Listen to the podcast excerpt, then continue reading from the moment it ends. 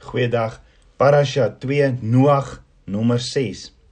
Abba Vader sê in Genesis 7 vers 1 vir Noag: "Gaan in die ark, jy en jou hele huisgesin, want jou het ek regverdig bevind voor my aangesig in hierdie geslag."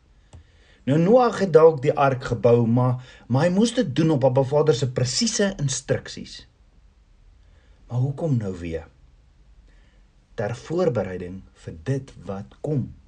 Ons weet, dit was nie die laaste toevlugsoord wat Abba Vader sou voorberei nie, want Yeshua sê in Matteus 24 vers 38 en net soos die dae van Noag was, so sal ook die koms van die seun van die mens wees. Met ander woorde, net soos wat die vloed gekom het, so sal die koms van Yeshua wees.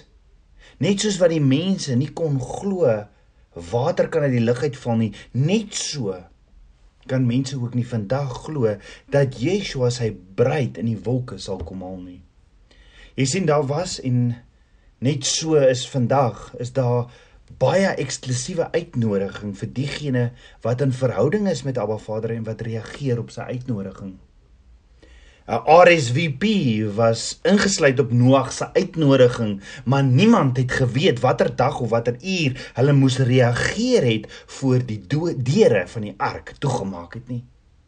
Ek wonder of daar nie dalk iemand was wat daardie oggend wakker geword het en gedink het, "Miskien, miskien moet ek vandag net met Noag gaan praat nie."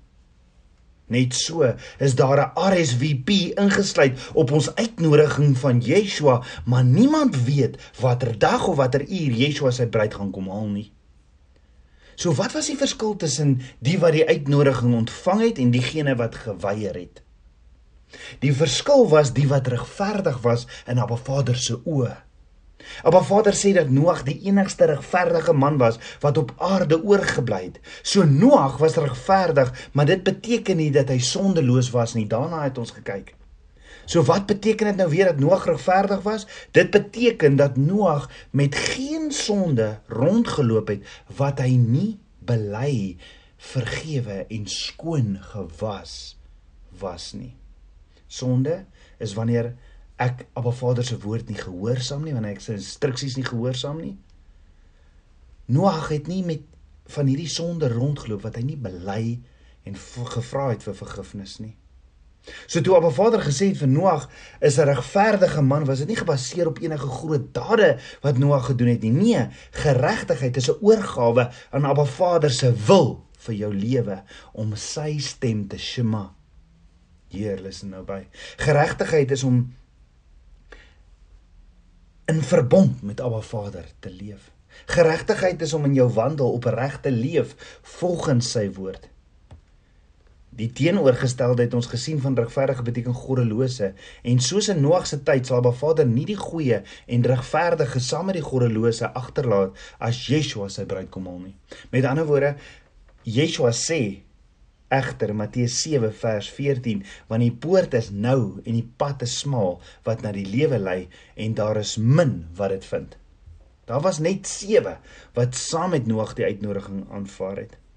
Nou Daar word vandag deur 'n lou warm geloof word daar gesê dat die grootste verskil tussen die weë van Abba Vader in die Ou Testament en die weë van Abba Vader in die Nuwe Testament is dat 'n persoon moes werk om sy geregtigheid in die Ou Testament te ontvang en die persoon van die Nuwe Testament ontvang dit as 'n geskenk, as 'n genade verder dat dit goeie werke was wat 'n man gelei het tot ongedefinieerde soort verlossing in die Ou Testament en genade deur geloof wat 'n man na 'n goed gedefinieerde soort verlossing in die Nuwe Testament bring.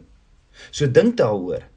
Is dit waar dat 'n groot klem gelê kan word op die doen van 'n Vader se opdragte wat gewoonlik ook werke of wetties genoem word?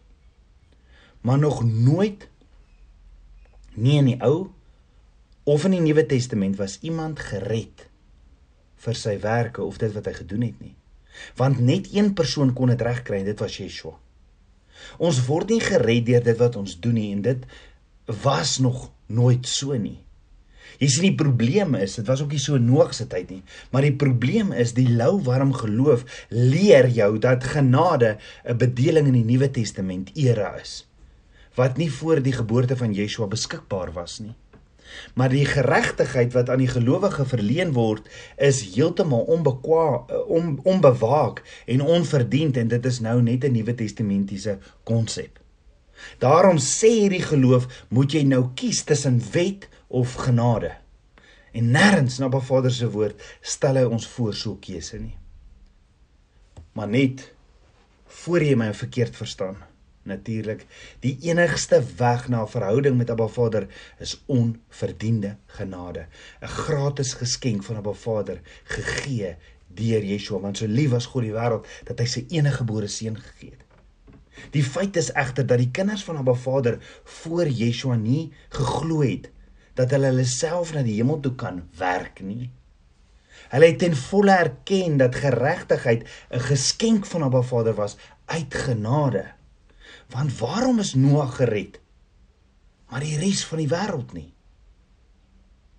Jy sien genade kom die eerste keer in die woord voor in Genesis 6 vers 8 waar Abba Vader sê, "Maar Noag het genade gevind in die oë van die Here." So Noag is gered want hy het genade in Abba Vader se oë gevind. Noag het dit nie verdien om gered te word nie. Nee, Noag was oorgelewer deur Abba Vader se soewereine hand. Abba Vader het berou gehad dat hy alle mense insluitend Noag gemaak het. Met ander woorde, die feit dat Noag gered is, is genade. Ongeërfde guns. Met ander woorde om te kies tussen die wet of genade is vals. Want dit was nog altyd deur genade.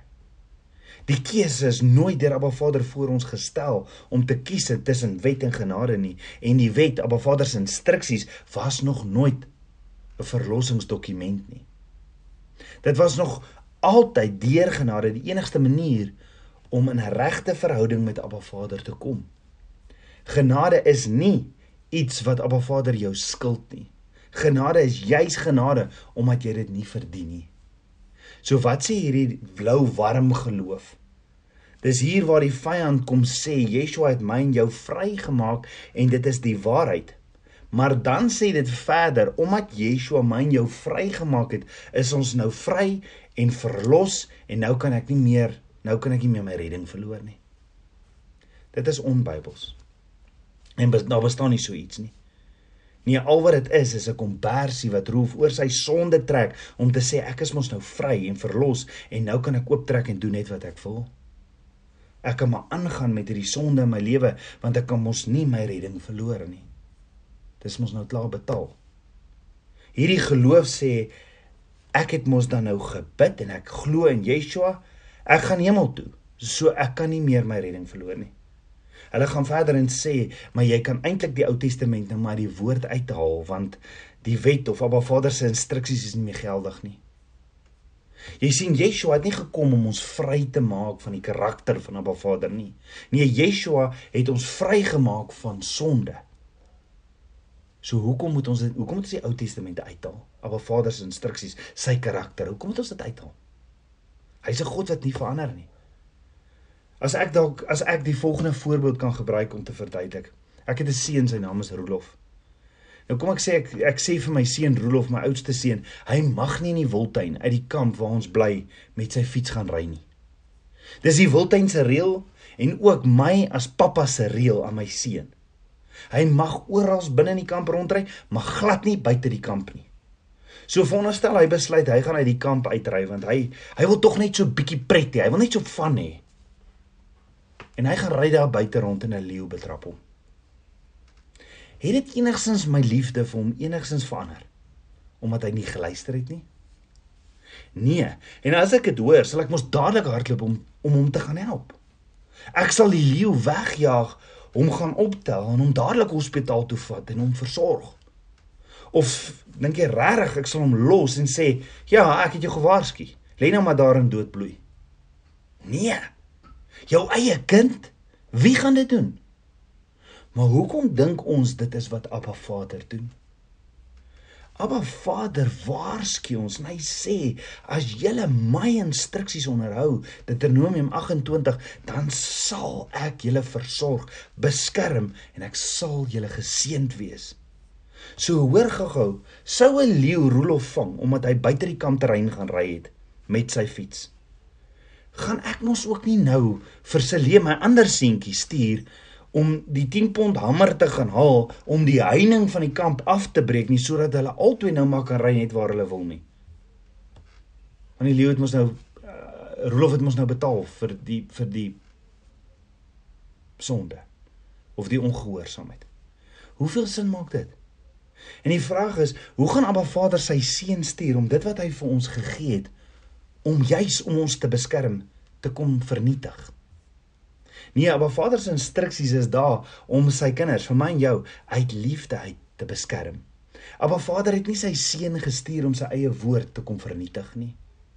Nee, Yeshua het juis gekom sodat ons saam met Abba Vader in intimiteit en in sy waarheid kan wandel. Maar Vader se instruksies gee vir ons die definisie van sonde, want 1 Johannes 2 vers 4 sê hy hy wat sê ek ken hom en sy gebooie nie bewaar nie is 'n leienaar en in hom is die waarheid nie, maar elkeen wat sy woord bewaar, in hom het die liefde van God waarlik volmaak geword. Hieraan weet ons dat ons in hom is. Met ander woorde, as daar nie instruksies is nie, is daar mos nie sonde nie dan het ek ook nie nodig om my sondes te bely nie en as ek nie sondes hoef te bely nie, het ek mos nie vir Yeshua my verlosser nodig nie. Mag ons nie geoordeel voel as ons Abba Vader se wet, sy instruksies nakom en sy Torah bestudeer nie en mag ons daagliks saam met hom wandel en ons oë gerig hou op hom soos Noag. Abba Vader leer ons egter in sy woord ook as ons hom alles in ons lewens maak is daar ook sekere dinge wat wat moet gaan. Sekere prioriteite in my en jou lewe moet skuif. Jy kan nie lou warm saam met Abba Vader wandel nie. Nie ons wandel saam met Abba Vader waar as hy ons roep na intieme verhouding met hom waar ons hom onderdanig en gehoorsaam is in alles. Dit beteken dat ons soos Noag as Abba Vader ons uitwys op sondes dat ons dit sal bely dat ons sal vra vir vergifnis en om skoon gewas te word en dit kan nie meer verder dit wil doen nie mag ons geregtig wees in Abba se oë om in alles sy stem te shema wat beteken toe jy listen nou by mag ons geregtigheid wees in Abba Vader se oë en in verbond saam met Abba Vader wandel opreg volgens sy woord soos Noag kom ons bid saam Aba Vader skepper van my hart, ek loof en prys U. Vader, vergewe my. Kom was my skoon met U woord, met die waterbad van U woord. En leer my meer en meer van U waarheid. Dankie vir U amazing liefde. Dankie dat U my so liefhet dat U U enige gebore seun gestuur het. Help my Vader om my oë net op U gerig te hou soos Noag. Lei my en leer my. Ek bid dit alles in Yeshua Messie se naam, die seun van Yahweh. Shalom.